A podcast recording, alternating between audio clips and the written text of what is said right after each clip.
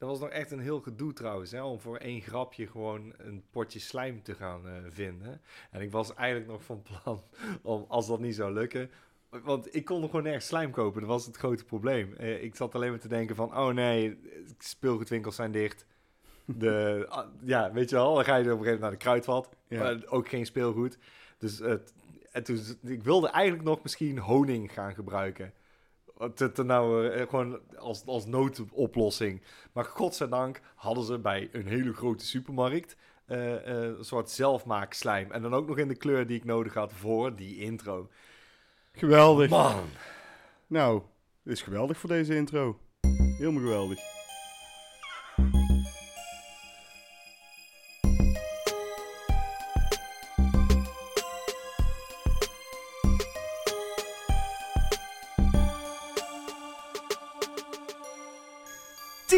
Jantje JP, de tiende aflevering van Cinepraatjes. Ongelooflijk. Mag je eigenlijk zeggen, Tering Jantje? Dat vroeg ik me af. Ik vind van wel. Tering, wie heeft dan nog de tering dan tegenwoordig? Ja, Ja, niemand. heel veel mensen kunnen de tering krijgen, maar, Nee, maar, ja, Nee, maar dat is het mooie van zo'n oude ziekte. Ja, dat het helemaal niet uitmaakt. Ik vind bij zo'n oude... We weten het, het eh, omstreden woord, dat met een K begint. Daar zijn de meningen over verdeeld. Maar gelukkig zijn er jongeren die creatiever mee eh, omgaan. Ja. Maar ik vind bij oude ziektes mag je gewoon tering zeggen. Kom Oké, op, hè. dus Tering Jantje mag gewoon... Ja, joh. Ja, nou, en al Jantjes die luisteren, die... eh, ja, Ja, die sorry. balen nu. Die, die zijn een Sorry, sorry.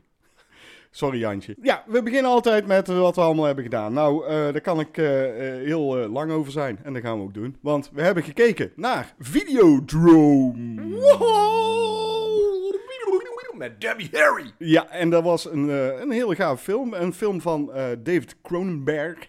En eh, dan weet je, daar wordt een... Cronenberg. Ja, ik noem hem gewoon Cronenberg, want je schrijft ook berg. Ja, dus ook. waarom zou ik dan Burg zeggen? Ik Dat ben, klopt. ik ben helemaal geen Engelsman. Dus En weet je wat ik tijdens de kijken van de review achterkwam? Want dat was dus iets wat ik zei. En dat heb ik ook als grapje erin gestopt. Of grapje. ja, Dat is meer een feitje, maar ik denk dat kan ik dan wel weer verwerken in een plaatje.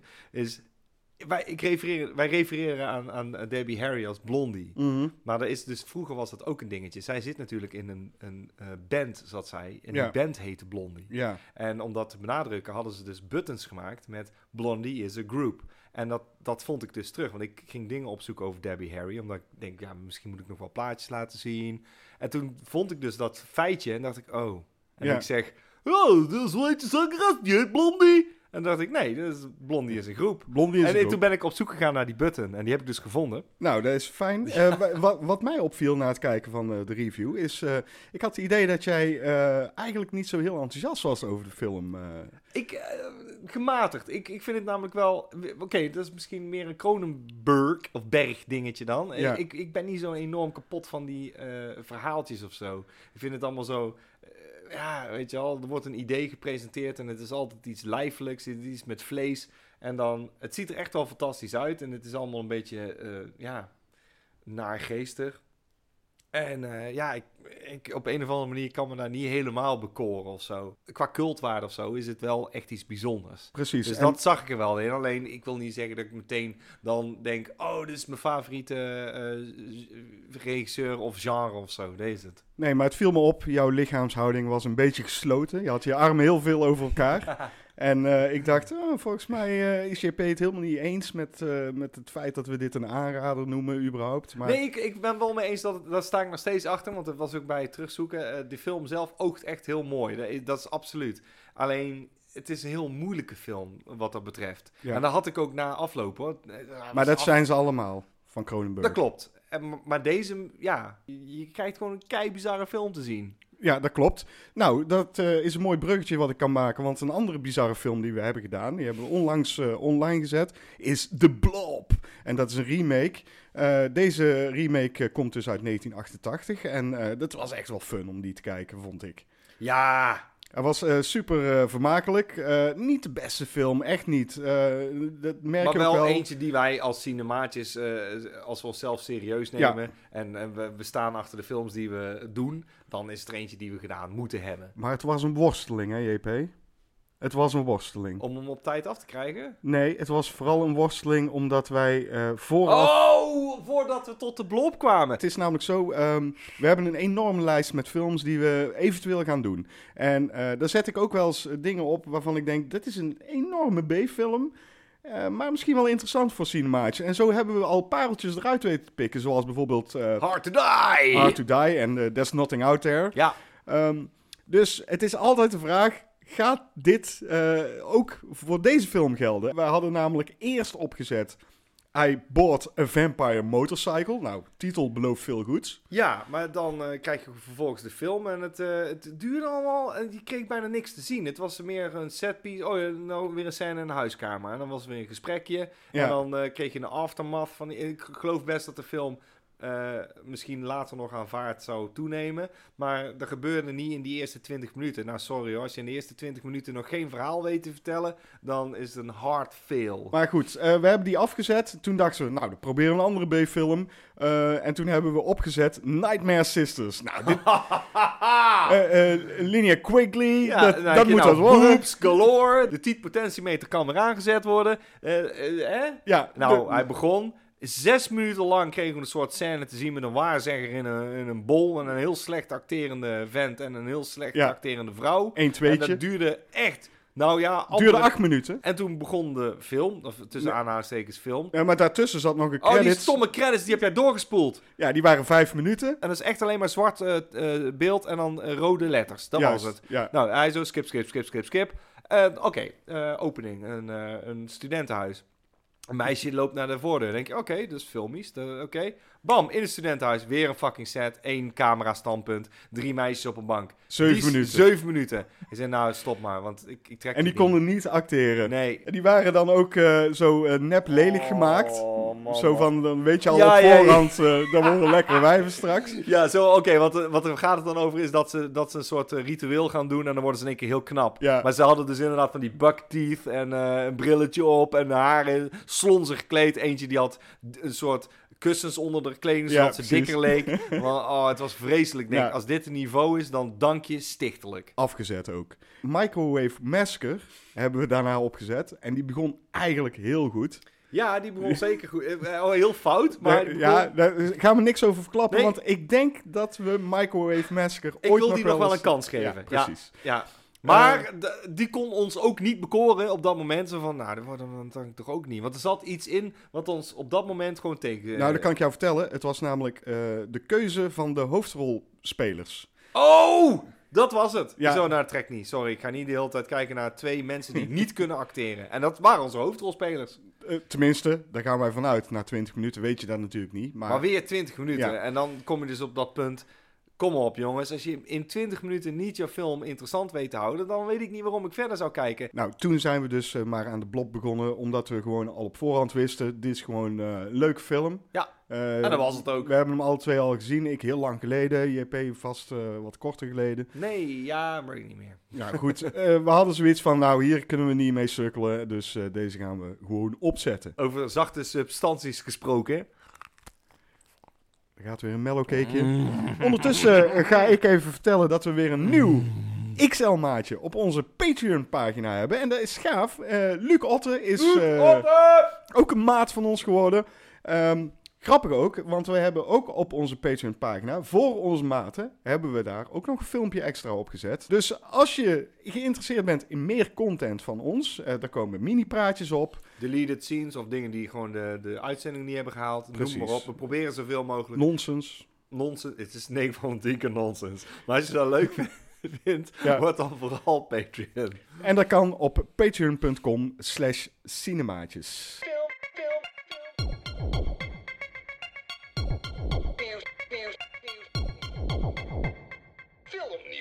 Ja, het nieuwsitem. eh oh, daar, ga- daar gaan we weer hoor. het Zijn de nieuwsitem. bioscopen nog steeds dicht? Die zijn allemaal nog steeds gesloten. Nou, dan kunnen we En- het kort houden hè. Gesproken over gesloten bioscopen, eh, dat is ook weer de reden geweest dat eh, de nieuwe James Bond film No Time to Die weer is uitgesteld. Godverdomme. Helemaal naar de herfst. Dan zijn de bioscopen open over de hele wereld. Want Ja. daar wacht gewoon James Bond op. En, en, James en, Bond wacht daarop. ja, en op dat moment Ja, en op dat moment is het gewoon echt, denk ik, een mega blockbuster gaat dit worden. Ik, ik, ik, Mm. ik, ik voorspel dit. Echt serieus. Let op mijn woorden. Ik ben niet zo van het nieuws. Het is, eh, zoals we al zeiden, als het eh, moment dat je het zegt, dan is het oud. Eh, ik hoorde dat er een serie zou komen van eh, 1984. De, Op zich wel interessant, want ja. als serie zou dat best kunnen werken. En ik ben het in zulke gevallen wel eens, als het een, best wel een dik boek is, ja, dan is bijna film soms te kort. dat klopt. Ja, Maar eh, eh, er, is, er is een vraag gesteld hierover ook. Eh, ja daarom. Dus of het sluit geval- eigenlijk best wel ja. goed aan. Dus ja, oké, nou, oké, maar dat geeft al enigszins antwoord dan. Maar dat, ge- dat geeft niks. Ik heb nog wel een ander nieuwtje en dat vond ik eigenlijk wel leuk, want ik hou er gewoon van om nieuwtjes te zoeken over onze grote vriend John Carpenter. Oh. een aantal dagen geleden heeft John Carpenter een, een track vrijgegeven van zijn upcoming album The Lost Teams 3. Eh, en dat is een, eh, een, een hele mooie clip geworden. Alive After That. Alive After That, daar hoor je goed. Ehm, gaaf nummer, vind ik dan weer. Maar ja, je moet ervan houden. Het is een eh, geanimeerde clip. Heel, heel vet. En ergens halverwege kikt er echt in één keer een gitaarsolo in. En daar, ja, dat is gewoon... Heeft zijn zoon er weer mee gedaan, denk ik? Tuurlijk, ja, ja, Ja, ja. ja, ja, dat vind ik vet hoor. Ik vind het heel gaaf zo, dat, dat ze samenwerken. Dat vind ik tof. Maar goed, dat, dat is nieuws. Is helemaal niet eh, boeiend, eigenlijk. Nieuws is niet boeiend. Ja, we hebben het er altijd wel over, maar het is eigenlijk helemaal niet boeiend.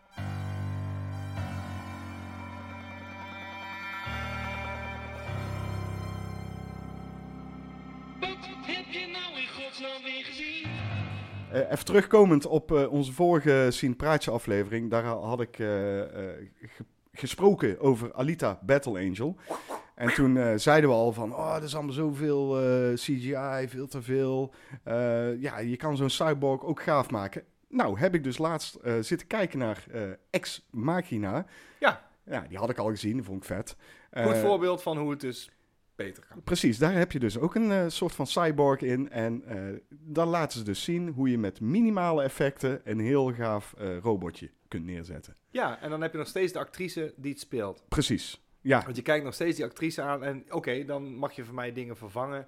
Dat hebben ze heel kundig gedaan. ja. Zonder dat dat afbreuk doet aan haar performance. Het gaat eigenlijk over een, een, een grote magnaat, een, een soort Google-uitvinder. en die eh, nodigt een van zijn werknemers uit in zijn huis om eigenlijk eh, kennis te maken met hem. Eh, die heeft dat gewonnen, dat is heel stoer. Eh, maar hij laat hem eigenlijk kennis maken met eh, zijn nieuwe project. En dat is eh, ja, AI, eh, Artificial Intelligence, eh, to the max. Hij heeft een, eh, eh, een robot gecreëerd en hij wil gewoon weten hoe eh, intelligent is deze robot nou. En eh, ja, mag jij eh, testen. En ehm, ja, dat loopt, eh, dat loopt een beetje uit de klauwen.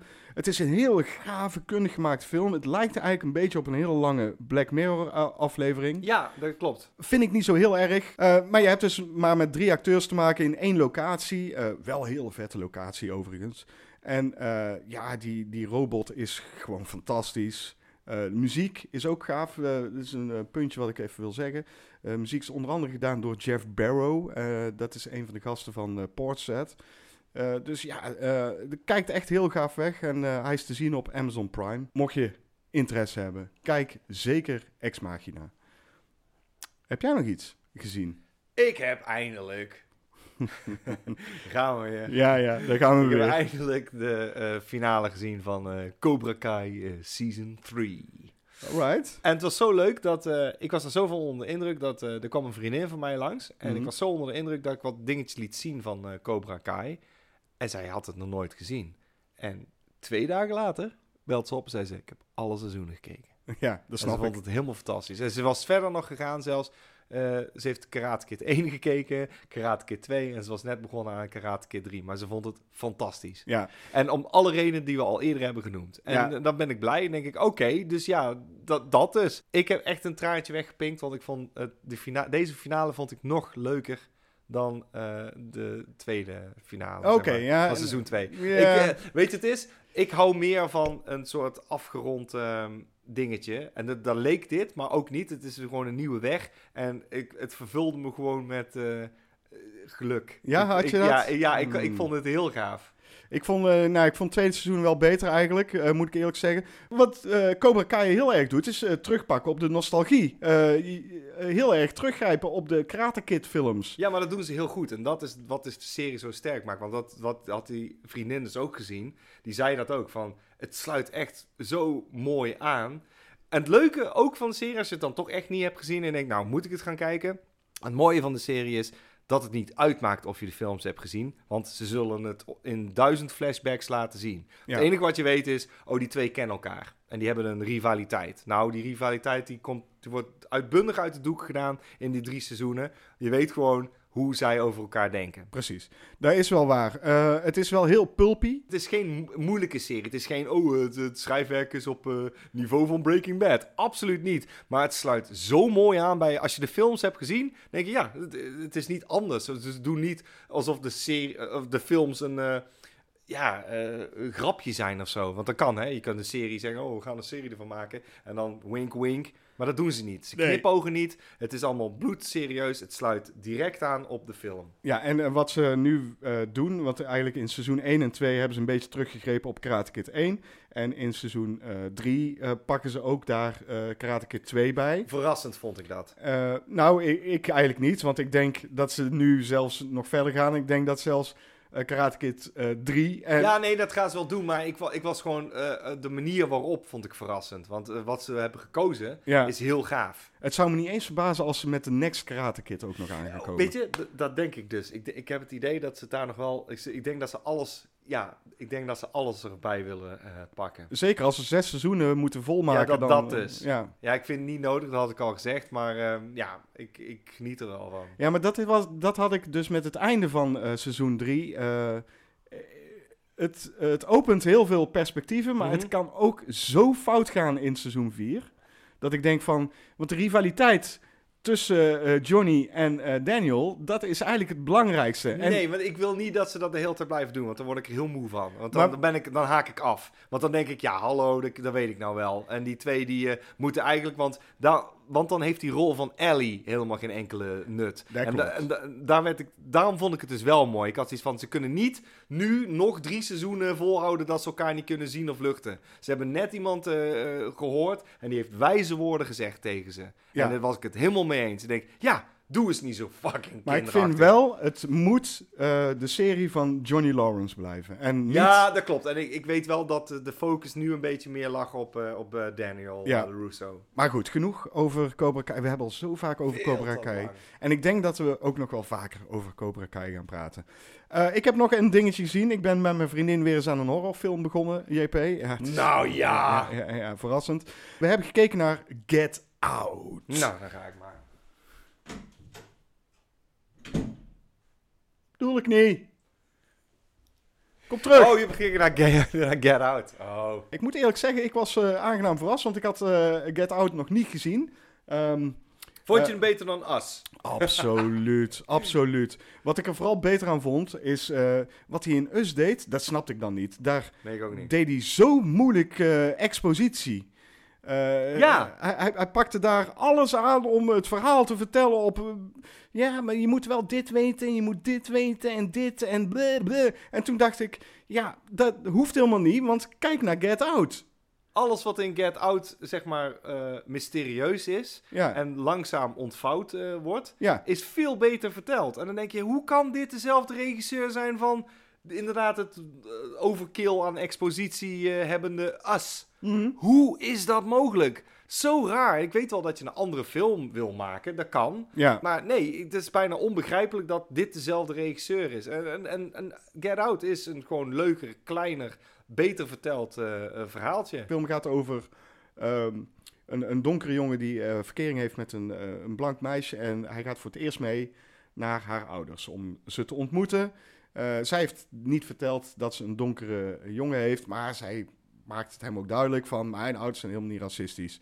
Nou, eh, als je dan verder gaat kijken, dan eh, blijkt er toch het een en ander niet helemaal pluis te zijn. De Eh, titel, ja, de titel, titel zegt eh, eigenlijk ja, genoeg. ja, Kom on, weg hier! wat ik wel had is, ik had heel snel, oh, maar dan, dan is, aha, maar ja, oh, maar die twee, die, ja, maar die zijn dan ook, eh, ja, Ja, ja, ja, tuurlijk. oh, het, eh, het, niet alles was verrassend. JP ging nog een wijntje in. Niet alles was verrassend. Eh, maar er kwam nog wel een soort van twist op het einde, waardoor ik wel een, je- een verrassingselement had. Het, blijft daardoor dus interessant. Ja. Nee, het is gewoon een hele vermakelijke film. En, en dat, dat telt voor mij. Nogmaals, ik heb het al vaker gezegd. Van wat maakt die film dan goed?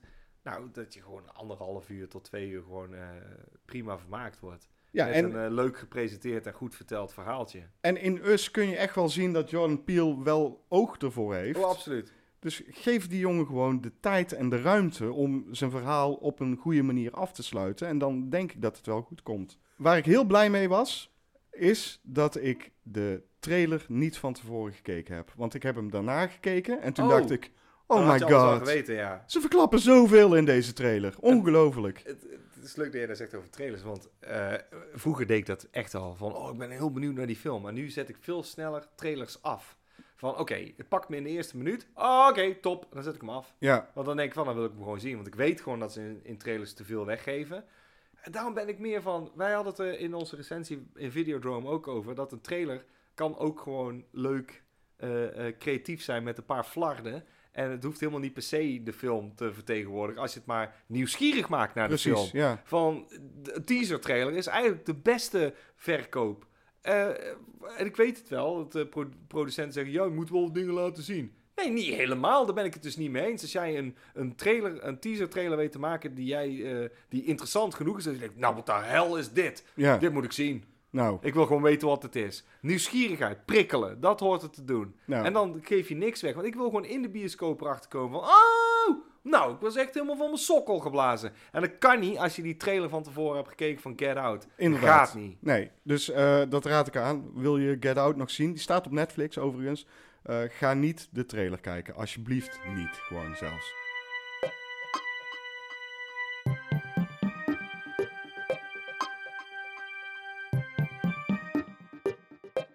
Uit de kast. Uit de kast. JP trekt weer eens iets uit de videobandenkast.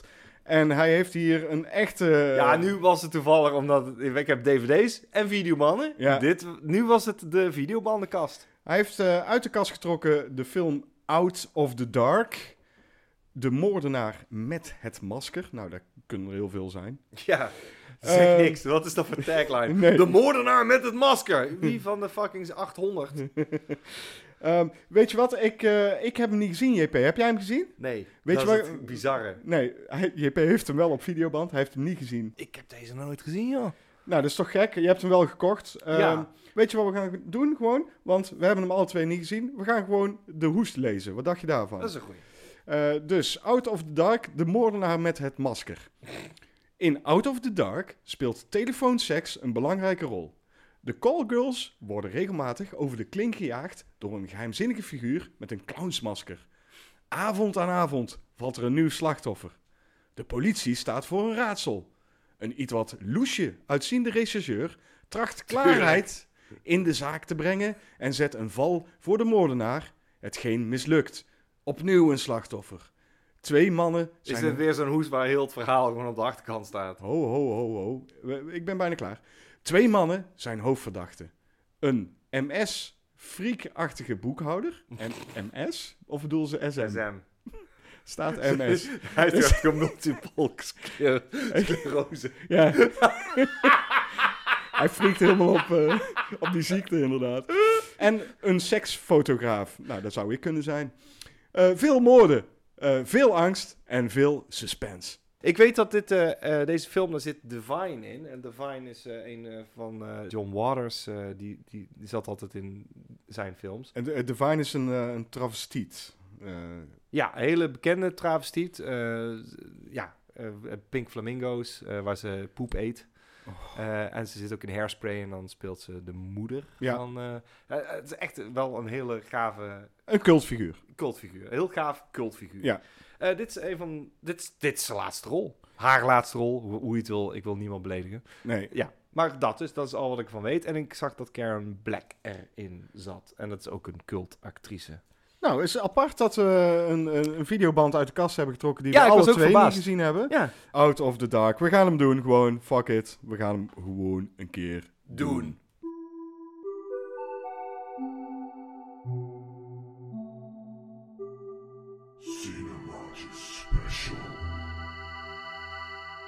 We hebben, de vorige keer hebben we trouwens een heel leuk special gedaan. Ja! En daar wil ik nog even over hebben, want eh, ik heb daarop... eh eh, we, we hadden gewoon een verhaal uit onze duim gezogen. En toen had ik, Uit de duim! ja, had ik dus op onze Instagram gevraagd van... Wat vonden jullie er nou van? En eigenlijk overwegend waren dat vooral positieve reacties.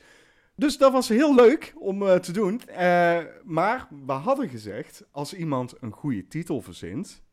krijgt hij de woensdag-DVD. Dat klopt. En nou mag het zo zijn dat er iemand echt de moeite heeft gedaan om een titel voor ons uit de duim gezogen verhaaltje te verzinnen. Ja, dus, dus, dus, wat Dus? is die titel en wie was het? Het is er maar één geweest. Eh, dus Richard Althoff, eh, stuur even jouw adresgegevens en dan sturen wij jou de woensdag DVD. Hij had eh, als titel verzonden Ripping Time, Solving the Past to Save College. Ripping Time. Ripping Time. Nou, dat is de winnaar. Dus eh, Richard Althoff, eh, ik weet dat je luistert. Ja, trouwe luisteraar, maatje, alles. Ik weet waar je huis woont. Nee, dat weten we niet. Nee, we weten dus je niet. nee. Adres, ja. ja precies. Eh, goed, ehm, ehm, ehm, ja, dat betekent dus ook dat we het wellicht in de toekomst nog een keer gaan herhalen. In deze special gaan we het eigenlijk over iets anders hebben. Het is namelijk zo, eh, JP heeft mij er in principe ingeluisterd. Of ja, ik had eigenlijk aangeboden van, we gaan een cinemaatje doen. Meer dan drie jaar geleden. En eh, toen heeft hij me er eigenlijk ingeluisterd, want hij is ermee begonnen om de Jallo aan de man te brengen.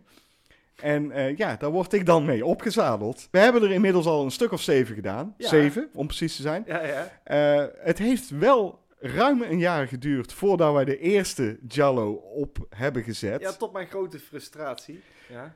En misschien niet alleen maar tot jouw grote frustratie, want ik denk ook dat jij eh, er wel zeker van wilde zijn dat we goed op elkaar ingespeeld waren. Dat klopt, ja, dat klopt, zeker. Want je wil ook weten wat iemands filmkennis is. Ja. En ik denk wel dat je voor een, een Jallo wel wat filmkennis moet hebben. Of in ieder geval filmliefhebber moet zijn. Ja, nou, daar ben ik. Eh daar was ik al, maar goed. nou, meer geworden na een ja. jaar zeker. Dan weet je ook van, oké, ik weet, weet ongeveer wat we leuk vinden. Dit, dit moet kunnen werken. Nou, en wij zijn toen begonnen met eh, de Jallo The Strange Vice of Mrs. Ward uit 1971 van Sergio Martino. Nou, we hebben dus inmiddels al zeven gekeken. En het is eigenlijk best wel raar dat eigenlijk pas de vijfde die wij hebben gedaan, eh, dat dat een echte cinematische aanrader is geworden. Dat is uh, Tenebrae. Ja, dat was Ja. Tenebrae. We hebben ook slechte eh, Jallo's gezien en eh, Strip Nude for Your Killer. Ondanks een hele gave titel, ja. eh, deed het hem niet. Maar JP, vertel mij nou eens even, hoe kwam jij nou met eh, Jallo in aanraking? Ik denk, de allereerste keer eh, heb ik eh, natuurlijk Dario Argento eh, ontdekt. En dat was eh, Suspiria. En ik wist toen niet wat het genre inhield. En later heb ik ooit een keer eh The Bird with the Crystal Plumage gezien. En dat is dan zeg maar de ultieme eh Jallo film of degene die het genre echt gewoon nieuw leven in heeft. Niet per se, maar dit is de film die opviel, zo opviel dat andere filmmakers zeiden: hey, Ook Argento. zo, zo moet het, zo moet het. Ja. Dat is ook een Argento, ja. En eh, toen dacht ik, oké, interessant. Ik was niet helemaal meteen om hoor bij die film. Maar eh, een vriend van mij had een, eh, een keer een harddisk met een paar films erop staan. Ik denk, nou interessant, want ik heb eigenlijk Italiaanse films stond erbij. Ja. Of Italo-films. En ik, oké, leuk. Eh, heel mapje gekopieerd. Ik thuis kijken. Toen ik vroeger films ging kijken, en zeker slasherfilms, die vond ik heel gaaf. En dan wilde ik gewoon, oh, gore, het moet wel dit en dat. Ik had helemaal geen tijd voor stijlvolle rotzooi Nee. en dingen. En nu had ik, ik was wat ouder. Eh, ik denk al in een jaar of, eh, nou, dus ik denk een jaar of acht of negen geleden pas. Ja. En nu ging ik er gewoon echt naar kijken. ja. Nou, maar dat is inderdaad zo. Want stijl is dus heel belangrijk in, een- in, in een Jallo-film. Dat is mij ook opgevallen na die de zeven films die wij hebben gekeken. En dat is niet alleen de stijl van het filmen, maar ook de styling van de acteurs en de sets. Die zijn heel belangrijk. Maar ehm, je kan wel die stijl pakken, maar wat onderscheidt Jallo nog meer van andere genres eigenlijk? Eh, wat mij voornamelijk opvalt is dus ook eh, de editing en het camerawerk. Ja, En dan ook met name de muziek. Dus je hebt een paar di- elementen die echt niet voorkomen in andere films. En dus inderdaad de funky, iets wat ja, jazzy, funky soundtracks die erbij zitten. Die, li- die lijken bijna niet te passen bij de spanning die ze suggereren. Maar aan de Mhm. andere kant weer wel. Dus je wordt getrakteerd op ja, een soort fusion. Ja. En, en door echt wel grote namen in, in, van de componisten. Dus eh, Ennio Morricone heeft eh, veel... eh, Goblin. sound- Goblin, zeker. En dan, en dan denk je, wauw, oké, Bruno Nicolai. Mhm. En dan denk je, oké, ik, ik heb ik, klaarblijkelijk iets gemist. En dat was mijn interesse. En toen dacht ik, ik heb nou toch een heel mapje. Ik ga gewoon kijken wat, wat goed is. ja, toen ben je ze allemaal gaan kijken. Die ben ik allemaal gaan kijken in Ja. het mapje. En dat waren er maar een stuk of tien of twaalf. En op een gegeven moment ben ik zelf maar gewoon verder gaan zoeken. Want ik dacht, ik, ik moet meer hebben. Want eh, kennelijk vind ik het heel tof. Je kan het niet echt omschrijven, eh, het, het Giallo-genre. Want kun je niet gewoon zeggen, het is een Italiaanse film... eh, en deze Italiaanse film is een thriller. Deze Italiaanse film is een politiedetective. Deze Italiaanse film is een slasher. Is dat niet gewoon Gi- Giallo? Is het niet gewoon ik een heb Italiaanse een quote film? uit een boek. En die, die omschrijft het als volgt. Oké. Uh, a Giallo is not a detective story, is not a thriller, uh, not a suspense, not a horror, but it can be any of these things. And also all of these things rolled into one. Ja, nou dat, is dus betekent precies ja, maar wat het ik zijn zeg. wel precies die dingen eh, horen erin te zitten. Ja, Dus dat zijn de ingrediënten. En 9 van de 10 keer is de, eh, het, het overkoepelende verhaal een, een murder mystery. ja. Nou, wat natuurlijk ook heel duidelijk is aan Giallo's is dat... eh, of Gialli, eh, dat zeggen we altijd fout trouwens. Ja, ik, Eh. ik, ik ben pas later geleerd dat het, dat het meervoud Gialli is. En je mag gewoon zeggen Giallo-films, dat is makkelijker Ja, misschien. maar ik zeg ook gewoon Giallo's, want het Ja, me zak. Wat er me aan opvalt, is dat het heel erg het slasher-genre heeft gevormd eigenlijk en beïnvloed. Ehm, maar wat me dan ook weer opvalt, is dat in slashers, ondanks dat ze zijn beïnvloed door eh Jolly-films, Jolly, Jolly, Jallo, Jallo-films, Jolly, Jallo's. Eh, wat me dan wel opvalt, is dat die slasher-films, die hebben die hele stijl niet gewoon, die, die Jallo-films dus wel hebben. Nee, dat, eh, d- dat, dat viel mij dus later pas op. Ik ben een enorme slasher-liefhebber. En toen keek ik die films, Ja. omdat ik dacht, ja, maar, dus bloed is nep. En dan herken je in één keer de stijl. En dan denk je, oké, ik zie nou iets wat ik eerder gewoon als 17, 18-jarige gewoon niet wilde zien, omdat Nee. ik daar geen geduld voor had. De, de zorg die er zit in eh, camera, eh, de uitkadering, Ja. eh, editing. ook inderdaad gemixt met muziek. En dan krijg je in één keer hernieuwde waardering voor... Dit is heel kundig gemaakt, weet Ja, je dat? ja. Het is bijna zelfs, wat jij zei, stijl, maar ook stijlvol. Want, oh, je- dus, dus in één keer op zwart en dan krijg, komt daar bloed naar de camera. Wat, wat, ik heb dat nog nooit gezien. Maar kun je, kun je eh, nog andere dingen aanwijzen die het slasher-genre eh, hebben ja, beïnvloed? ik, ik zou zeggen, want eh, een, om een voorbeeld te noemen. Wij hebben bij het Cinemaatjes ooit Happy Birthday to Me gedaan. Ja. En dan kun je duidelijk zien dat die echt al hebben gekeken naar Jello-films. Ja. En eh, wat de je ook handschoentjes, Ja, eh, precies. het mesje. En dan eh, op zijn beurt heeft, hebben slasherfilms ook weer het Giallo-genre beïnvloed. Oké. Want dan krijg je weer zoiets. Aya Tenebrae eh, is een klein antwoord daarop. Maar ik denk eerder, en die gaan we ook nog doen trouwens, Stage Fright. En wat er in Jallo-films ook zit, is natuurlijk een, eh, een moordenaar die onbekend is. Wat in veel slasherfilms ook zo is natuurlijk. De eh, red herrings. Dat is wel een overkoepelend ding. Want je, ik probeer te zoeken naar eh, dingen die een Giallo een Giallo maken. Nou, heel vaak is mode een, een belangrijk Mhm. dingetje. Dus het gaat heel vaak over een modehuis, modellen, fotograaf. alle kansen om gewoon het exploitatiegedeelte Ja, is, ja. is gewoon om naakt te laten zien. Eh, maar, en, en wat voor, want die vrouwen zijn echt fantastisch. Dat valt op. Ja. En dan is het ook de specifieke periode waarin dat echt opviel, is eind jaren 60, begin jaren 70. Mhm. En dan denk je, oh, die auto's, de, de vrouwen, de jetset, eh, een jacht. eh, dus, dus ziet gewoon locaties. Alles valt in één keer op. En ik denk dat ze bij Slasher, die zijn echt meer specifiek gericht op tieners. Ja. Ja, die hebben dus gewoon veel gekozen voor wat tieners aanspreekt. Ja, dus seks, drugs, drank. Maar eh, het, het overkoepelende dingetje, zeg maar, een moordenaar die meerdere slachtoffers maakt, dat is absoluut afgekeken van een Giallo-film. Ja, en je zei net al, de, de hoogtijdagen van de, de Jallo-films, die ligt in de jaren 60, 70. Ja. Een beetje nog in de jaren 80. Eigenlijk eh, vraag ik me af, zijn er nog Jallo-films gemaakt later? Eh, ja, er zijn er nog wel een paar gemaakt, maar die zijn eigenlijk niet de moeite waard. En dan zeker van grootmeester Dario Argento, die eh, eigenlijk het genre nieuw leven inblies met Bird with the Crystal Plumage. Ja. Of eigenlijk gewoon het, starten. Heeft zelf de, een van de allerslechtste gemaakt. En die heet Giallo. En die is uit 2009. En dat is echt, echt een verschrikking. ja, dat is niet te doen. Die is zo... Het lijkt wel een parodie op een eh Giallo-film. En het stom is, hij heeft jaren daarvoor... Acht jaar daarvoor heeft hij er eentje gemaakt die ik wel nog wil doen. En dat is eh, Non Hosono, oftewel Sleepless. En dat is dan weer een... eh, die heeft alle elementen van een klassieke eh Giallo erin zitten. Ja, en, ja. en die werkt voor mij dan weer wel. Maar dan heel lang niks. Ik denk 1985 is misschien wel de laatste keer geweest. Dan heb je Midnight eh, Killer is misschien eentje. Opera, ook van Argento ja, weer. En eh, Stage Fright ook, dus die gaan we nog doen. ja. En dan heb je nog Phantom of Death, waar Edwig Fennick voor de, een van de laatste keren in zit. We hebben er een aantal gedaan van Sergio Martino. We hebben er een aantal gedaan van Dario Argento. Dat betekent, dat zijn waarschijnlijk belangrijke Giallo-regisseurs. maar Ja. zijn er die meer eigenlijk? Ja, je hebt natuurlijk Mario Bava, die eh eh, Bay of Blood heeft eh, geregisseerd. En eh, hij heeft ook Danger eh, Diabolique, een hele gave cultfilm eh, Mhm. gedaan. Die gaan we misschien ook nog doen. Eh, en hij heeft ook Black Sabbath eh, gedaan. Hm, Niet de band, maar de film. dat snap ik. dan heb je nog Umberto Lenzi, die eh furore heeft gemaakt met Cannibal Ferox. Eh, dat is ook een, eh, een, eh, een, een Giallo-regisseur. Eh, Lucio Fulci natuurlijk, die wij een keer eerder hebben gedaan met The Beyond. Ja, die heeft ook een hele toffe gedaan zelfs.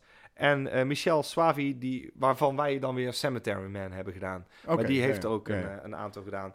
Conclusio Fulci. Wij gaan absoluut meer Giallo-films doen, denk ik. Eh, is het niet alleen om de gave stijl, eh, waar ik nu toch wel wat liefde voor heb gekregen. eh, dan is het wel om de enorm gave dames die erin zitten.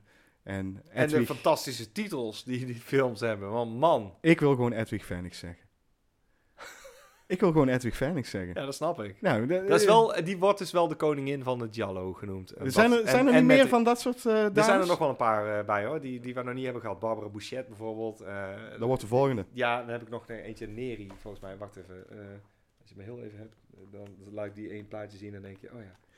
Oeh, nice. ja Mooi gezichtje, eh, mooi gezichtje zie ja, ik hier. Ja, ja, ja, ja, Jong? waarschijnlijk. Ze lijkt heel Heb jong. Dan uh, LaRussa. LaRussa? Russo. Nou, we zijn we rond. vragen, vragen, vragen. Je kunt het aan ons vragen in de vraagbaak. Wat hebben wij een hoop vragen gekregen? Want wat had ik gedaan? Ik had het deze keer op onze Facebookpagina. Dat is facebook.com slash cinemaatjes. Had ik de vraag gesteld van... Hebben jullie nog vragen voor onze vraagbaak van de Cinepraatjes aflevering? En toen kregen we er toch een hoop. Zoveel dat ik ook heel even wil zeggen aan de lieve luisteraar. Als je nou denkt, ja maar, ja, maar ik heb een vraag gesteld en je zit er niet bij. Eh duly noted. Wij hebben die vraag absoluut eh, binnengekregen. Ja, En dan kun je zeker ervan zijn dat wij daar antwoord op gaan geven. Dan kan het best wel zijn dat dat een special is. Of eh, dat we in een andere uitzending daar antwoord op gaan geven. Precies. Dus denk niet van, hebben ze hem nou overgeslagen? daar komt antwoord op. En als wij om vragen vragen... Vragen, vragen. Als wij om vragen Vragen, vragen... vragen, vragen. Als wij om Vragen, vragen, vragen, vragen. Ja, eh, probeer het dan bij één vraag te houden. Want eh, sommige mensen hebben wel drie, vier vragen gesteld. Ook gaaf natuurlijk, maar eh, ja, eh, Hallo, het programma duurt maar een uur. Het was eerst een programma van drie kwartier. Het precies. is inmiddels een uur vanwege Ja. die vragen. Vragen, vragen. Allemaal hele gave vragen, overigens. Allemaal gave vragen. Eh, ik heb dus een schifting gemaakt. Eh, we gaan een aantal eh, vragen eh, bespreken.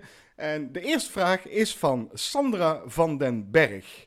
En Sandra vraagt aan ons: wat vinden jullie de meest verschrikkelijke en foutste film ooit en waarom? Nou, allereerst wil ik even duidelijk maken dat de foutste film zeker niet de meest verschrikkelijke film hoeft te zijn. Sandra. Dank je, dat wilde ik namelijk ook zeggen. Ja. Want dan wordt het heel lastig. Verschrikkelijkste film, ja, dan heb ik hem niet gezien. Of dan vind ik hem zo klo- kloten, dan wil ik het Ja. er niet eens over hebben. Als die fout is, hoeft die niet verschrikkelijk te zijn. Eh, en een, een, een heel goed voorbeeld daarvan is natuurlijk Sleepaway Camp, waar we het al heel vaak over gehad hebben. Wat Maar- gewoon echt gewoon een geweldige film is. stiekem. Hartstikke fout, maar geweldig. Super geweldig. Ja, niet verschrikkelijk, nooit. Als een film fout en verschrikkelijk is, dan is dat gewoon een kutfilm eigenlijk. Dus de- Ja. de- dan, dan kijken we hem niet. Eh, We hebben al voorbeelden gegeven eh, Ja. in, in, in, eh, wat hebben we nou eigenlijk gezien, in godsnaam. Eh, die zetten we dan af. Dit, dit zijn films die kun je gewoon niet kijken. En ehm, wat, wat ik wel ehm, wil noemen is, we hebben eh, eh, twee films gedaan van een regisseur. Die heet Rolf Kanefsky. Kanevski. Daar hebben we eigenlijk maar één film van gedaan, moet ik Ja. eerlijk zeggen. Maar we hebben er twee films van gekeken. En eentje was zo verschrikkelijk en fout. Party Bus to Hell. Oh, die was niet te harde. Die hebben we gewoon afgezet. Ja. Die was, maar we hebben een andere film van hem gedaan. En die hebben we gekeken. En die was ook wel fout. Maar die was gaaf. En dat was eh, There's Nothing Out There. Dat klopt. Dus eh, ja, eh, die wilde ik gewoon even zeggen. Dus dat was mijn antwoord. Als, oké, eh, ja, ik zat te denken aan gewoon echt ongelooflijk fout. Nou, Bloodsucking Freaks. oh ja, dat had ik ook wel kunnen zeggen inderdaad. Oh, Ai, oh, lekkere traumafilm overigens. ja, Ja, ja. Ongelooflijk fout. Ja, dat is wel Super misogynistisch. Eh, eh, walgelijk. eh, en maar daardoor ook wel weer stiekem best wel gaaf. Ja, je moet het denk ik ook wel met een knipoogje bekijken. Tuurlijk is het met een knipoog. Dat is trauma. Ehm, de volgende vraag is van Kenny Rubenis, ons Hey, allereerste maatje op onze Patreon-pagina. Oh, ik ben zo blij met Kenny. Hij is zo gaaf. Hij komt Eh, een keer langs hoor. Hij komt zeker Zeg bij deze langs. gewoon. Ja, ja, hij moet gewoon een keer langs hij, hij weet van niks Nee. nog. Eh, maar dan dan weet je dat Kenny, je moet gewoon een keer eh, komen. Precies, je moet gewoon een keer langskomen. Welk filmpersonage wou je vroeger graag zelf zijn? JP, vertel maar. Teen Wolf. Oh, door, door Michael J. Fox? Ja, ik wilde gewoon vroeger Teen Wolf zijn. Dat leek me fantastisch. Ja, daar, daar kan ik me wel iets bij voorstellen, inderdaad. Nou, Ik moest er heel even over nadenken. Ja. En, toen, en, en echt gewoon van, toen ik die leeftijd had. En, en ik denk, ja, sorry, ik kan niet anders dan uh, Teen Wolf. Dat was het. ja. Nou, eh, ik, ik ben ook teruggegaan naar mijn jongere jeugd. Dus eh, zo eh 10, 11, 12 ongeveer. Dus Floris. nee, nee, nee. Nee, eh, wat het is, is gewoon... eh, mijn ouders, eh, die huurden echt heel veel videofilms in die tijd. Dus ik keek heel... Tracy Lords wilde jij zijn. Nou, daar wilde ik wel in, ja. heel diep ook. Deep inside. Nee, ehm, nee maar mijn ouders die, die eh, huurden best veel eh, videofilms. Dus we hadden echt wel elke week hadden we een stapel videofilms die we gingen kijken. Ja. Dus ik kan hier heel moeilijk één duidend antwoord op geven. Wat ik wel kan zeggen is eh, dat bij ons in, in het gezin waren actiefilms, vechtfilms, karatefilms, die waren heel populair. Zeker bij mij en mijn broertje. En ik wilde zeker Bruce Lee zijn, absoluut. En wij, wij echt na elke film, eh, na elke karatefilm die we keken, was het gewoon eh matten thuis. Was stoeien. En dan tot huilens aan toe, weet je wel, gingen wij eh, vechten, mijn Ja, broertje en ik. Karate Kid wilde ik ook zijn. Ik wilde, vroeger gingen wij vaak buiten oorlogjes spelen. Wilde ik, wilde, ik, ik was gewoon John Rambo. Ik, had- ik had een Rambo-mes. Eh, nou, is het wel zo dat ik, eh, toen ik eh, een jaartje of elf was, eh, heb ik de film Bad Boys gezien. Die hebben wij gedaan. Die hebben wij gedaan. Die en we hebben het niet over de Michael Bay, Nee, Will nee. Smith eh, vehikel. Nee. We hebben het over... Een film uit 1983 met Sean Penn in de hoofdrol. En het is, die film die heeft mij toen zo'n indruk gemaakt dat ik heel graag Mike O'Brien wilde zijn. En dat heb ik ook in onze review gezegd. Dus Ja. als je die niet gezien hebt, dat is echt, die is, dat is echt in de begintijd van de cinemaatjes. Ja, ja, ja. Die review. Dat is een van de alle, alle... Nee, dat is nog net voordat ik het ging monteren. Ja, dat is. eh, ja, nou, we waren net bezig eigenlijk. En, en toen vertelde ik het ook al. eh, ik, ik had namelijk met een vriendje op school. eh, hadden wij alle twee die film gezien. En toen zijn wij een bende begonnen. En die hebben we Bad Boys genoemd. En eh, we waren zo cool. We, rookten ook shackies. Elf jaar, hè? Serieus, shackies rook. Eh, ik weet nog hoe hij heet. Hij heette eh, Henry. Henry heette mijn vriendje. Ja. En ehm, ik weet 100% zeker dat als ik die vriendschap door had gezet, dan was ik helemaal op het verkeerde pad gekomen. Echt, want hoezo ga je bad boys worden? Wat we deden, wij, wij, wij gingen dan beltje trekken bij, bij flatgebouwen. En dan ja, er liet altijd wel iemand de deur open. Eh, en dan gingen we naar binnen en dan gingen we de kelder in. En dan probeerden we eh, eh, de kelderdeur in te trappen. En dan gingen we, eh, dan gingen we de TL-balken gingen we kapot gooien, want dat knalde zo gaaf. Dus mensen, ben je omstreeks eh, 1983 eh, ooit eh, eh, getuige geweest van vernielingen in je flat? Juist. Dan weet je dat je gewoon kan schrijven naar ons en Ja. de rekening kan sturen naar William. Nee, alsjeblieft niet, want ik heb op dit moment heel weinig inkomsten. Dus Oh ja, wacht er even mee. Volgende vraag is van Corné Heijboer. En Hey, ja, die ken ik, want die zit ook in onze film en het is een huisgenoot geweest. Ja, dat is. Ik ken hem ook. We kennen hem beter misschien als Steve. Steve. Eh, nou, en Steve die vraagt aan ons: hebben jullie tips eh, voor andere podcast YouTube-kanalen en dan tussen haakjes over films? Ja, heb ik wel. Ik eh, zou zeggen, je kunt heel goed luisteren naar The Weekly Planet. Ja? Dat is een heel leuk filmpodcast. Als je gewoon meer in-depth, zeg maar, films wil, die, die gewoon grappig. Dan zou ik zeggen, How Did This Get Made? Eh, dat is mijn eh, bijdrage. Oké. Jij? Ik heb natuurlijk Red Letter Media. Ja. Eh, die eh, maken video's, net zoals wij doen. Eh, en ik kijk daar altijd naar uit. Als, Maar er zijn meer video's, hè? Ja, klopt. Eh, wat zij wel doen is, zij verklappen vaak het plot. En dan Ja. moet ik hem vaak halverwege afzetten Ik voordat ik de film Dat- kijk. dat- ik vind namelijk ook een heel leuke site. Ze zijn, eh, wat, wat grappig is, want eh, zij... Wat heel grappig is. wat ja. heel grappig is. Ja. ja. Ja, zeg ja, ja. Oké, wij wilden de blob dus doen.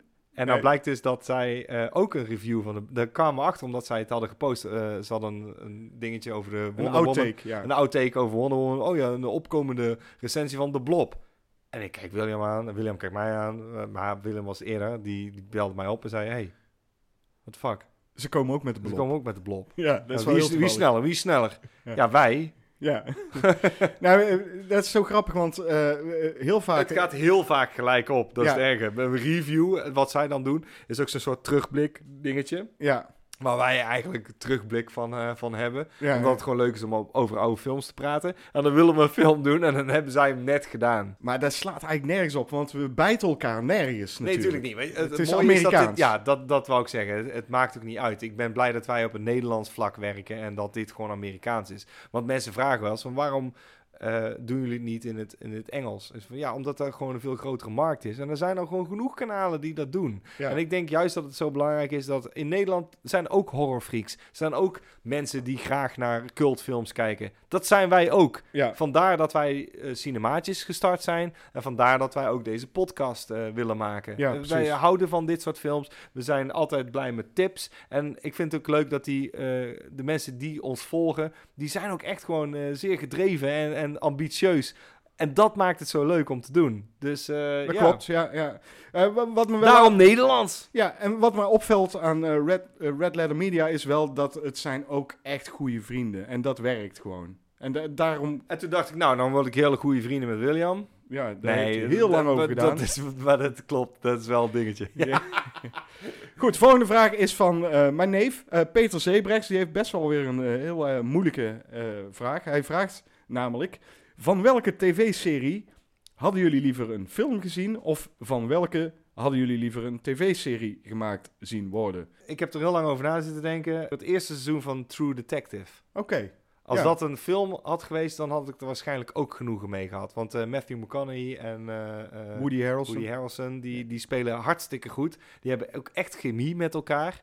En het was gewoon een verademing om te zien. Maar dat was wel dat eerste seizoen. En, en toen dacht ik, oké, als dit een film had geweest, dan had ik er waarschijnlijk net zo...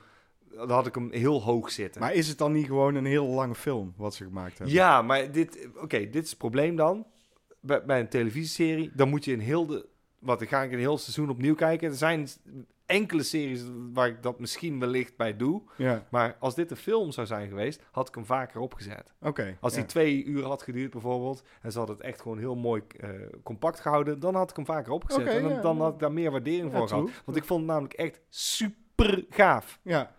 En nou heb ik, is toevallig dat jij een eh, serie eh, uit hebt gekozen waar je liever een film van had. Want ik heb eigenlijk gekeken naar welke films hadden nou beter kunnen werken als serie. Daar wil ik alle films die ik ga noemen niet, niks mee afdoen. Want ze zijn echt steengoed. Maar eh, er zijn een aantal films en die, eh, die spelen zeg maar, zich af in een hele lange eh, verloop van tijd. Of er gebeuren heel veel dingen. En, en dan denk ik, daar had je best een serie van kunnen maken. Ja. En daar is bijvoorbeeld The Shawshank Redemption. Ja. Uh, hij zit heel lang in die gevangenis in principe. Dat merk je in die film op zich niet echt. Uh, de film werkt keigoed natuurlijk, maar je had daar ook best een goede serie van kunnen maken. Maar het beste voorbeeld wat ik uh, heb kunnen vinden is La Fabuleux Destin d'Amélie Poulain. Ja. Dat is een, een hele goede film, maar zij maakt zoveel dingetjes mee. Ik denk dat je dat als serie heel goed had kunnen uitwerken. Dat klopt. En toch, weet je wat is bij een film? Wat, wat ik dus, dat is het fijne van een film, is, is dat je soms denkt ik heb twee uur uh, te besteden. Ik Mm. wil gewoon eventjes uh, een gelukzalig momentje meemaken. Of ik wil eventjes gewoon meegesleept worden op een, op een kortstondig avontuur... waar al die emoties aan bod komen. Ja. En in twee uur kan dat. En Ja. de film bewijst gewoon dat dat kan. Sowieso. Je, dan ga je niet... eh, oh, Breaking Bad, ik ga alle vijf seizoenen kijken. Nou, dan trek er maar een week vooruit. Maar, Je had er eh, nog wat, eh, ja, ik zat te denken aan eh, superheldenfilms hebben het grote probleem, zeker Marvel dingen, dat er dan weer twee jaar uh, tussen zit voordat er weer een nieuw avontuur komt. Ja. Dan denk ik, ja, maar een, een stripboek is elke week een nieuw avontuur. Waarom niet? Daarom doet de CW het heel goed met DC bijvoorbeeld. Mm. Oké, je kunt heel veel afgeven op de, hoe slecht de DC-films zijn uh, in de bioscoop. I don't care. CW heeft een beetje soapy aanpak. Maar die hebben wel elke week een fucking serie. Die, met, Leg met, maar met even die uit wat CW is. CW is een zender die uh, voornamelijk ook... Uh, uh, die heeft de Flash, die heeft de Legends of Tomorrow... die heeft Arrow, zijn ze mee begonnen, Supergirl. Die hebben dus een Stargirl, wat een heel succesvol dingetje is nu. Ja. Maar die hebben heel veel van die superhelden-series. En dan denk je, ja, op wekelijks format werkt dat veel beter. Ja. En dan zou ik denken... Ik ben een enorme fan van Spider-Man... En uh, ik vind Tom Holland echt wel een, een tof uh, figuur. Elke keer. En nu zo, oh, hij is jong. Hij is een jonge Spider-Man. Ja, maar die jongen wordt ook steeds ouder. Want als er elke keer drie jaar tussen zit voordat er een film uitkomt. En wij hadden het ook al een keer gehad over Into the Spider-Verse. Als een tekenfilm werkt dat dus ook. Series dus uh, voor superhelden. Uh, het zij een tekenfilm, en dan ga ik ook nog eens een keer de Spectacular Spider-Man noemen. Mm. Werken op dat moment werken dan voor mij beter. Want Ja, dan kun je gewoon wekelijks terugkeren uh, in die wereld die zo vertrouwd is. En dan, dan werkt het als serie. Maar ja, het is, een, het is een comic, het is gebaseerd op comic en die comics die komen ook gewoon op regelmatige Ja, maar ik basis denk uit, ook dat je nu uh, na een kleine 12, 13 jaar succesvolle comicboek, en misschien wel langer, we zijn eigenlijk al 20 jaar bezig, maar hè, toen Marvel met Iron Man kwam, Ja. Die succesvolle uh, films, daar hebben we nou al een beetje gezien. Oké, okay, jullie kunnen het. Oké, okay, we hebben die special effects gezien. Oh, de Hulk ziet er heel erg realistisch uit. Ja. Uh, en het, uh, je gelooft het allemaal wel. Fantastisch. Maar uiteindelijk blijft dan over... Oké, okay, maar als het verhaal sukt... dan heb je wel een film van twee uur... en 180 miljoen verder... en dan denk ik, ja, moet ik weer drie jaar wachten op de volgende. En die film, die vorige vond ik dan minder... en dan komt er misschien weer eentje uit die is wel weer leuk. Ja, ja. En van, als dat een serie was... dan, ja. dan had dat gewoon meer beklijft. Dat klopt, dat klopt. Uh, helemaal mee eens, JP. Dus uh, ik denk dat we de vraag goed beantwoord hebben. Uh, Kevin Kent die vraagt aan ons... Wat is jullie favoriete B-sci-fi film van voor 1977? Daar heeft hij over nagedacht. Dat Super makkelijk. Nou, vertel. Ik heb er twee. Twee, vertel. Forbidden Planet, Barbarella. Oh, nou, dat vind ik uh, goed. Uh, nou, ik heb er ook nog wel even over nagedacht. En uh, uh, ja, dan, ik, ik stuit dan weer op mijn geheugen, wat mij in de steek laat. Want deze films had ik ook kunnen noemen, die heb ik natuurlijk wel gezien. maar ik heb dan weer even gekeken naar wat hebben wij gedaan met Cinemates. En toen dacht ik, hé, hey, Phase 4 is echt wel een goede science fiction film. Is Ja. een, een B-film. Ja. Het gaat over mieren die de wereld over proberen te nemen. Nou, eh, schrijf mij maar gewoon Phase 4 op eh, als antwoord hier. En dat heb ik gedaan. Dus bij deze. Kevin kent die. Voor jou. Eh, Henry van der Velde had ook een vraag. Ehm, die vroeg namelijk aan ons: welke film is zo onder je huid gaan zitten dat het gevoel je dagen later nog bezig hield? Uh, Possession is een film die, eh, die heeft me echt wel een aantal dagen goed vast weten te houden. Heeft een indruk op me gemaakt. En uh, die hebben al zo vaak gezegd dat ik het gewoon nu niet wil zeggen. In onze vorige podcast hebben we ook gezegd... The Texas Chainsaw Massacre is een film die echt onder je huid gaat zitten. Ja. Is ook gewoon helemaal waar. Dus daar ga ik het nu ook niet over hebben. Uh, dan heb je nog Exorcist. Uh, allemaal zo. Um, ik denk dat ik nu zeg The Blair Witch Project. Want toen ik die heb Dat gezien... wou ik ook zeggen. Die, staat, die heb ik serieus. Ik, Ja? ik heb hier serie, ik heb hier serieus staan. De Blair... Hier. Nou, dan is dat mooi. Ja, want oké, zal ik heel eerlijk zijn? Ja, Eh, zeg maar. toen die uitkwam, eh, nou, toen was ik al eh 23, denk ik. Dit was de eerste film waarvan ik, eh, toen ik thuis kwam, I'm not kidding. Ik, dit, dit is gewoon een, een bekentenis, dit, hè? ja. Ik kwam thuis en ik heb gewoon serieus eh, geslapen met het nachtlampje aan. Ik was zo freaked out. Ik, ik kon het gewoon niet voorstellen. Ik, ik ging vroeger namelijk echt wel naar de bossen. Ja. En ik heb veel vaak gekampeerd. Ik ben echt wel naar België geweest. eh, met mijn ouders eh, heel vaak. Nou, dan hadden we een camping. En dat was echt in het donker. eh, die, die camping was bovenop een berg. Ja. En daar, daar was een heel mooi, gaaf, donker bos bij. Nou, daar, daar speelde ik heel graag. Dus zag ik in één keer de Blair Witch. Van, oh, Ja. en al die, ik kon me heel goed voorstellen hoe eng het zou kunnen zijn. Want als het donker werd, ja, dan was zo'n bos kraakte en maakte. Dus dit, dit raakte mij om die reden extra. En ik was freaked the fuck out, man. Ik ging naar de sneak preview. En eh, de sneak preview hier in Tilburg in de Cinecitta is, was altijd uitverkocht. Dus het was verschrikkelijk druk. Ik ging daar met mijn vriendin eh, heen. En ehm, ik wist helemaal niet wat er zou komen. Dus, eh, en ik had nog, no- nog niks eh, over de Blair Witch gehoord. En het was zo fucking druk dat we ook uit elkaar moesten zitten. Dus ik moest die film helemaal in mijn eentje doen. Eh, ja. en ik had er nog nooit meegemaakt, maar die, die hele bioscoop, echt bommetje vol, hè? Dat kun je je nou niet meer voorstellen natuurlijk. Nee. dood en doodstil. Ja. Echt dood en doodstil. Heel de film lang. Dat op een gegeven moment hoorde je zo'n flesje naar beneden rollen, weet je wel? Dat iedereen echt zo... Echt, iedereen schrok snij kapot. Gewoon omdat er zo'n Dan flesje... zijn wij in dezelfde fucking voorstelling geweest. Oh, echt? Serieus? Ja, bij de Cinecitta. Ja, bij de Cinecitta. Dan zaten wij in dezelfde Dat was een sneak preview. Ja. Nou, wat? Ja, dat was dan, een sneak. wij, dan heb ik ook in die sneak preview gezeten. Dan, heb, dan wist ik, ik... Ik wilde nog wel eens opzoeken eh, eh, wat er speelde. Ja. En ik wist dit. Nou, Dus- ik dus niet. Ah, ik was daarbij. En, en iedereen ging uit zijn fucking... Freakte uit zijn fucking Ja, dak. dat klopt. Oh mijn god. dat is ongelooflijk. Ja. Ik weet precies waar je het over hebt. Nou, daar hebben wij elkaar nog wel gesproken daarna, want we Dat kennen moet elkaar haast toen wel. Maar het is, het is zo lang... Serieus, dat is dan 21 jaar geleden dan, hè? Maar goed, dat is op zich eh, het antwoord wat wij denk ik dan wel moeten geven. Ja, grappig dat we alle twee dezelfde film hebben. Alweer, Ja, alweer. ja, Goed. Daarom zijn we cinemaatjes. Eh, de volgende vraag is van eh, Michiel Korte. Hij vraagt aan ons over het niet zien van welke film schaam je je stiekem. Nou, zal ik eerlijk zeggen, Michiel, eh, als je deze vraag een half jaar geleden had gesteld, dan had ik daar een antwoord op kunnen geven.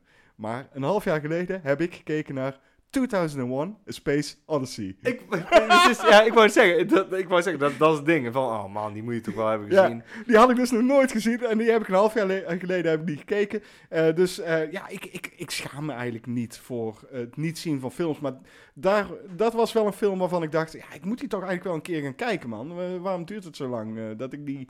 Waarom kijk ik die niet? Waarom, waarom lukt het me niet om die te gaan kijken? Maar eh, heb, jij, heb, heb jij nog iets? Ja, eh? weet je, het is, daar kom ik dan later nog wel een keer op terug. Ik kan me niet voorstellen, want ik heb heel veel films gezien, maar ik heb er nooit eentje waarvan ik denk, oh no.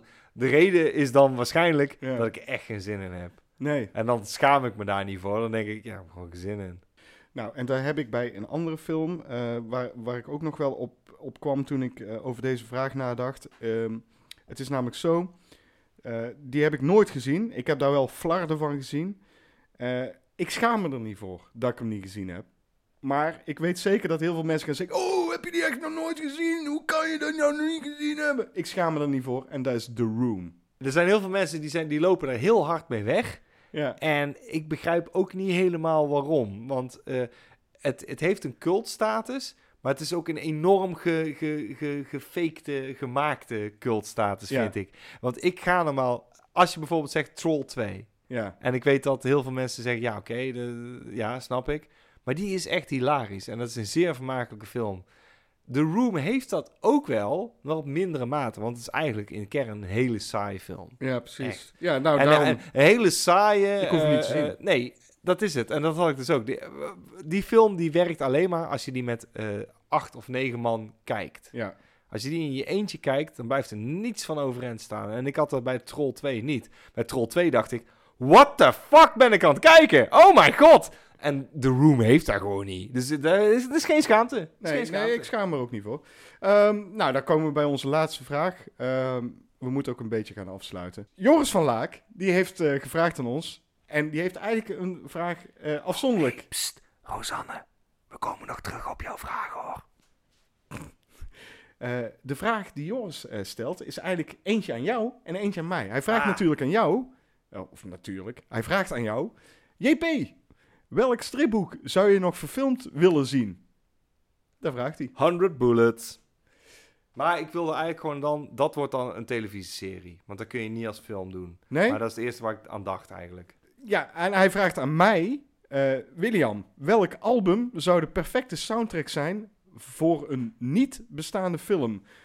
Nou, dat is een heerlijke vraag, vind ik, want ik kan daar heel makkelijk antwoord op geven. Het is namelijk zo, ik heb een eh, bevriende band uit Londen, die heette Teeth, of the Sea. Teeth of the Sea. Eh, die hebben zich dus al genoemd naar Jaws. Hè? Dus die, eh, en die hebben inmiddels vijf albums gemaakt, wat allemaal perfecte soundtracks zijn voor nog niet bestaande films. En als ik dan kies uit een van die vijf, dan vind ik de derde, denk ik, de gaafste. Die heet Master. Check echt eventjes die shit, want zij maken echt En gewoon... Joris kennende doet hij dat ook, want hij heeft een radioprogramma. Eh, het middenrif is de afkorting, want die andere titel is veel te lang. Ja, oké. Exotische verhalen van het middenrif. Ja, oké. Maar eh, op Omroep Tilburg natuurlijk. Nou, eh Teeth of the Sea, die maken... Sterker nog, ze hebben eh, zelfs een keer een eh, live hebben ze een eh, soundtrack gemaakt bij eh, A Field in England. Oh, ja. Laatst hebben ze in het, eh, in het eh, Space eh, Museum in Londen... hebben ze een live soundtrack uitgebracht bij een twee uur durende documentaire over de maanlanding. Wauw. Dus die mannen, die weten echt wel hoe je een soundtrack moet maken. En eh, Master is dan echt Master. Bonsoir. Adieu.